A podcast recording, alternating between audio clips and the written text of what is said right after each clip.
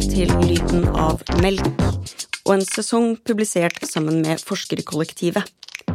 Dette er én av fire nye noveller som utforsker påvirkningen pandemien har hatt på nære mellommenneskelige relasjoner.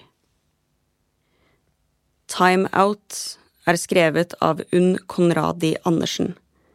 Novellen leses av Sofia Knutsen Estefanos. Han var på plass på kontoret allereie før klokka ni. Sette veska ved veggen, trekte av seg skjerfet, gikk ut på gangen, helste på en kollega. Smilte hun liksom innforstått til han? Han så på seg sjøl i speilet på toalettet. Han hadde hovna opp over auga. Han så medisinert ut. Hele helga hadde gått med til å grunne på evalueringa fra studentene.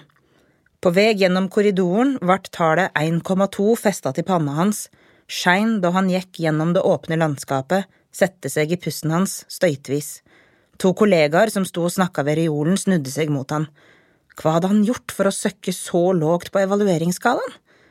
Tallet brann han mot heisen, dukka han under forsterkningene av lampelyset i kantina, kleima ved huet hans, sette seg i pusten, i magen, i alle rørslene. Blei ei verdsetting av eksistensen. Heldigvis var kantina tom.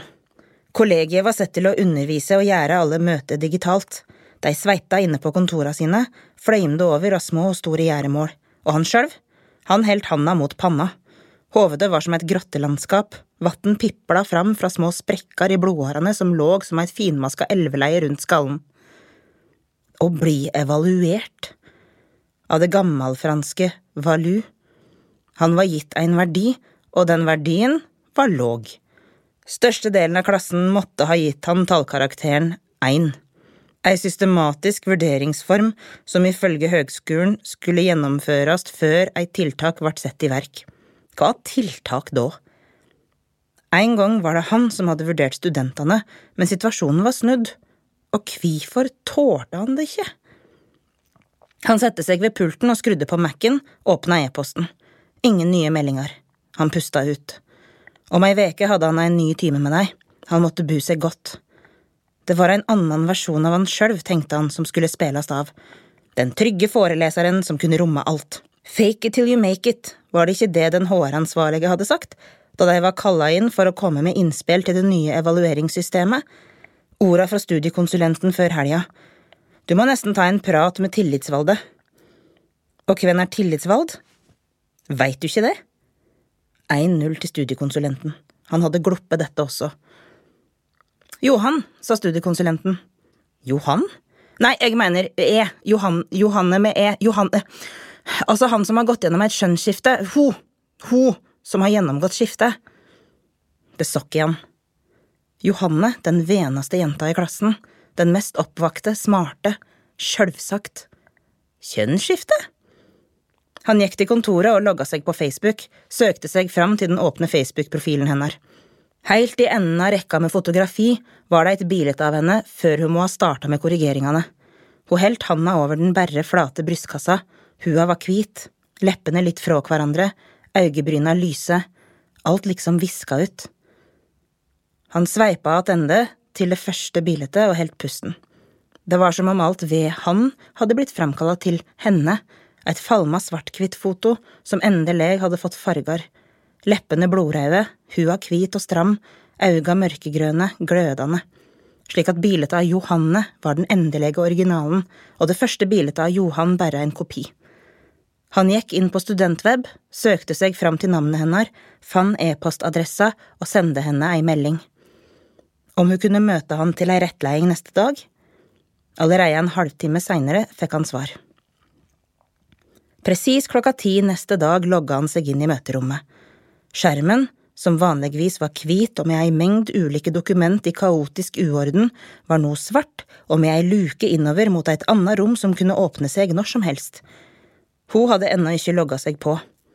Han så sitt eget anlet i gjenskinnet fra den svarte skjermen, prøvde å smile til seg sjøl, oppmuntrende, men tankene var overalt, det var floker med meningsinnhold, han var så sliten. Zoom-forelesningene hadde holdt på et halvt år nå, alle verka misnøyde, alle var isolerte, det gikk snart ikke lenger. De digitale forelesningene kom bare på toppen av alt det andre de var sett til å gjøre. De siste åra hadde stadig flere av de administrative oppgavene blitt velta over på deg. Han hadde glemt å fylle ut timeregneskapet sitt. Excel-arket rekna seg fram til et beløp som ble vist oppe i høyre hjørne. Pluss 50 000 kroner. Eventuelt minus 100 000 kroner. Det skulle visst være gøy at de kunne få se innsatsen sin omsett til et beløp, om de lå i pluss eller minus. Navnet Johanne dukka opp på skjermen, og han kunne høre lyder i bakgrunnen. Andletet hennes breide seg utover den svarte flata. Et sug i magen. Solstrålene kom skrått inn fra vinduet og ga hua hennes et vent skjær. Eller, hun hadde lagt på et filter?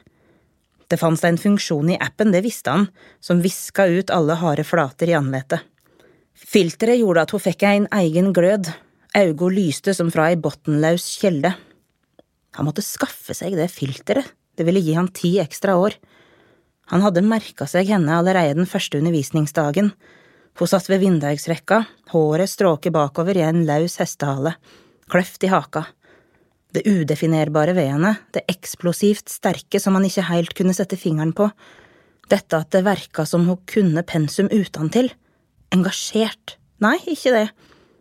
Nå forsto han det, hun levde pensum, var en del av teoriene, pusta alt de lærte ut og inn gjennom dagen.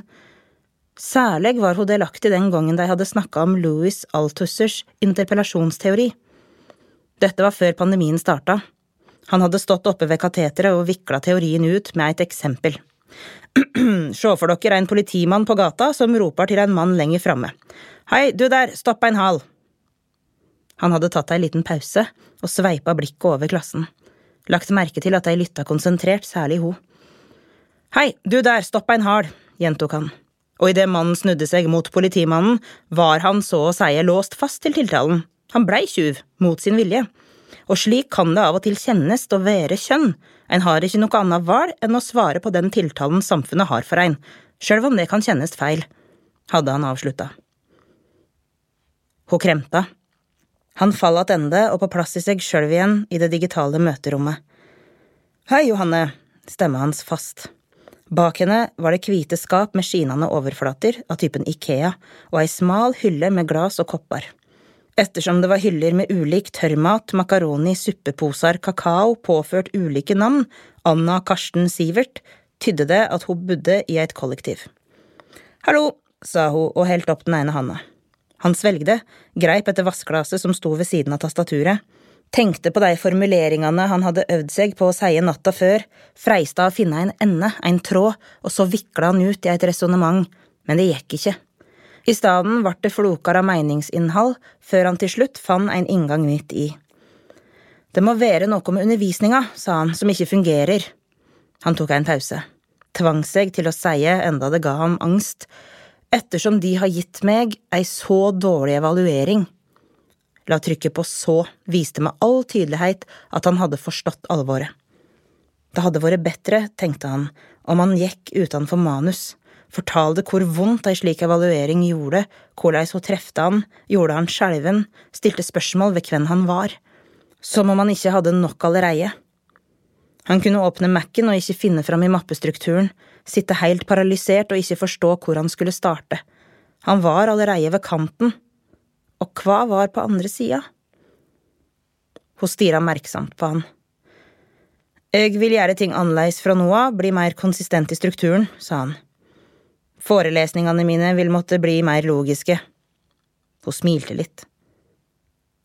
Det er en veldig rar situasjon. Du tenker på pandemien? Nei, mer på undervisninga di. Stemma hennar som en spent streng, og brått kunne han kjenne en vag irritasjon, noe som dirra i mellomgulvet. Kvinne eller mann, hva rolle spela det egentlig, hvorfor måtte hun presse seg gjennom dette kjønnsskiftet? Det er heller det, sa hun, at vi ikke har fått tilbakemeldinger på oppgavene våre. Oppgavene? Ja, du skulle gitt oss ei tilbakemelding på det vi har skrevet. Det var ikke til å tru. Hun var så freidig. Dessuten, han kunne ikke huske det, hadde han gitt ei oppgaver som han hadde glemt? Og så… Hun tok en liten pause. Hadde det vært fint om du lærte deg navna på alle i klassen? Han nikka, helt hendene avvergende opp. Det helt noe. Dessuten så tok jeg en ny pause, hun hadde manna seg opp til å si dette, så han, tok liksom sats fra en stad langt inni seg sjøl, men hadde lova de andre i klassen å si det. Det verker som om du er distré, at du har tankene dine en annen stad. Ja, og nå kjente han irritasjonen slå ut i full blomstring. Og de eiga oppgave, sa han, har du levert denne gangen?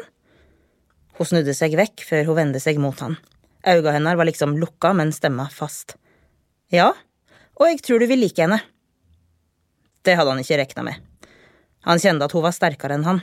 Han famla, lente seg til pulten, bøkene sto og vippa ytst ved kanten, tok sats og sa sorry, det har bare vært litt mye i det siste, det har gått varmt her oppe i knollen. Han tappa to fingrer mot hovedet, og endelig sprakk andletet hennes opp i et smil, blodraude lepper, et lite smilehull på venstre side. Og du, la han til, pusta ut, jeg vil sjølvsagt lære meg navna dokkar. Men du huksa jo mitt. Han raudna, og ettersom genseren også var raud, som valmuar, nei, som de avskala nausta ved sandstranda opp på hytta, og han såg sitt eget andlet i et lite vindauge, synes alt ved han å gløde, men på feil måte. Som for å gi han tid reiste hun seg, snudde seg og gikk mot vasken, hun hadde trange skinnbukser. Viste hun seg fram for han? Tappa seg et glass, verka helt uanfekta, sette seg ned igjen. Men da sier vi det sånn. Ja, sa han. En av de andre i kollektivet, en gutt, hadde kommet til. Sto med ryggen til henne og fiska fra meg en kopp, lata som om han ikke ensa at det pågikk et møte, tok seg god tid, vera liksom litt ut i lufta som en hund, snuten peika oppover, før han forsvann inn i et tilstøytende rom. Hun snudde seg etter han. Gutten hadde vært vakker han ville ikke at hun skulle se etter den gutten. Fint, jeg skal møte de andre til klassens time etterpå, sa hun, og gi deg ei orientering. Rollene var snudd, som på ei vippehuske der den ene ungen brått gikk av, og den andre, han, dunka rett i bakken. Skjermen ble svart. Han reiste seg og seig utmatta ned i lenestolen som sto ved vinduet. Auga fall mot bokhylla på motsatt ende, og et svart-hvitt bilete fra 80-tallet ramma inn og lent mot ei rad med leksikon. Han var ti år, satt i ei badebukse på et pledd blant vennene sine. Det var sommer, strå og ormegras stakk rundt dei. De hadde små plastbeger med yoghurt framfor seg, han heldt eit strå mot munnen, som om han røykte løgndomsfullt. Vennene så på han som om han var sjefen. Alt i han verka så åpent og tillitsfullt klar til å gi seg hen til den sommerdagen som lå framfor ham. På hylla under fotografiet, hans egenproduksjon bøker, han fylte en heil hyllemeter. Heilt ytst, de fire bøkene han var aleneforfatter av. Ved siden av der igjen, diplomet som viste at han var kåra til årets formidler ved universitetet. Hadde hun sett diplomet? Han reiste seg og gikk mot bokhylla, snudde diplomet med glasset inn. Er alt vel med deg? Studiekonsulenten så rett på han. Ja, sa han reservert. Det verkar ikke slik, sa hun. Nei vel? Han satt på kontoret hennes med en kaffekopp på kneet. Du verkar sliten, sa hun, rotar med tider, det har kommet inn flere klager på deg. Klager? Ja, de sier at du verkar fraværende i timene, ikke klarer pliktene dine. Men jeg har jo snakka med studentene om det, hun tok jeg en pause og så ut vinduet. Det er ikke bare den klassen. I forrige uke fikk vi e-post fra en student som sa du hadde glemt undervisninga. Ja, sa han, men jeg rakk det i siste liten. Og evalueringa, sa hun, hvorfor skårer du brått så lågt? Det er ulike ting, sa han, dessuten pandemien. Hun nikka. Det er greit, men de andre haler det i land på et vis. Gjør de? Delvis, sa hun kort. De glemmer iallfall ikke timene sine. Det kan også handle om systemet, sa han fort. Systemet? Systemet er fucked up. Han så rett på henne nå. Vi er underlagt det samme evalueringssystemet som serviceavdelinga på Elkjøp, som om vi selv ei vare og studentene er kunder. Hun rista svakt på hovedet. Hun var ikke enig. Du er professor, sa hun. Det er du som har makta. Det er nok ikke det, sa han, og ikke kall meg det navnet. Navnet? Professor, sa han, jeg liker det ikke. Jeg er bare et menneske. Også jeg har svakheter. Også jeg har ei grense. Også jeg tek meg nær av å få en tallkarakter tilsendt på e-post midt i semesteret uten noe som helst forklaring. Hun nikka forståingsfullt. Det er kanskje ikke helt rettvist. Nei, det er ikke det. Men situasjonen er spesiell, vi bare må gjøre det beste ut av det. Han våkna klokka fem samme natt, gikk ned til Mac-en. Det var havstraumer som blanda seg inni han. Det kalde vannet hadde frosset til is, blitt pressa under isen, skapt ei brønnsone. Der nede var det temperaturskilnader som skapte en djupvassstrøm. Han så spegelbildet av seg sjøl i skjermen, blankt, åpe, logga seg på, åpna Excel-arket, og i det blålege skimmeret ble kolonnene med tall projisert rett over panna hans. Det som tidligere var cellulose, blankt papir, avgrensa flater av tekst, som han bøyde seg over og konsentrerte seg om, var nå erstatta med åpninger bak åpninger, uendelig, en brønn av mulige plattformer. Kom du deg først i botnen, kom du deg heller ikke opp igjen. Han åpna fanen for registrering av resultat som utløste poeng og dermed penger til institusjonen. I det samme plinga det i e-posten. Han åpna han. Det var bare en reklame for steikepanner.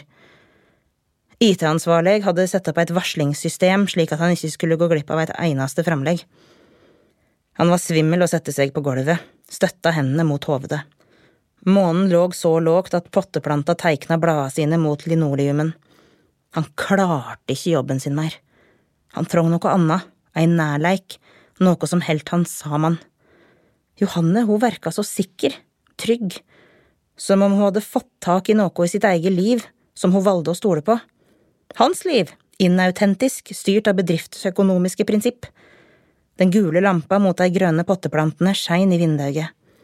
Bladet, stengelen med små, gjennomsiktige hår, Naboen som så på TV enda klokka var fem om morgenen.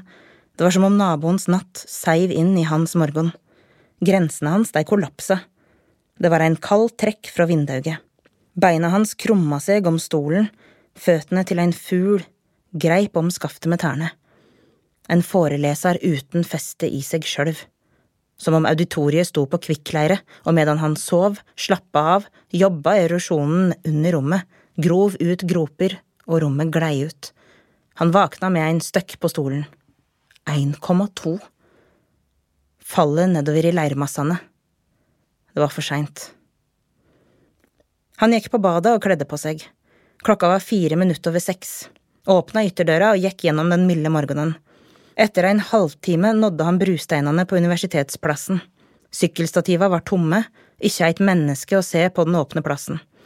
Han la nøkkelkortet sitt mot låsen på det svære fakultetsbygget, i stedet for å ta heisen gikk han opp alle trappene, hjertet hamra, og til sitt eget kontor med navneskiltet festa på døra. Først navnet hans, så tittelen under, professor. Han ville ikke ha det navnet. Alt han hadde ofra for dette! Publiseringene, konferansene, prestasjonene, prisene. Men hva hadde han hatt? Han så mot svart-hvitt-bilete på bokhylla og barndomsvennene der de satt på stranda med yoghurt i små plastbeger.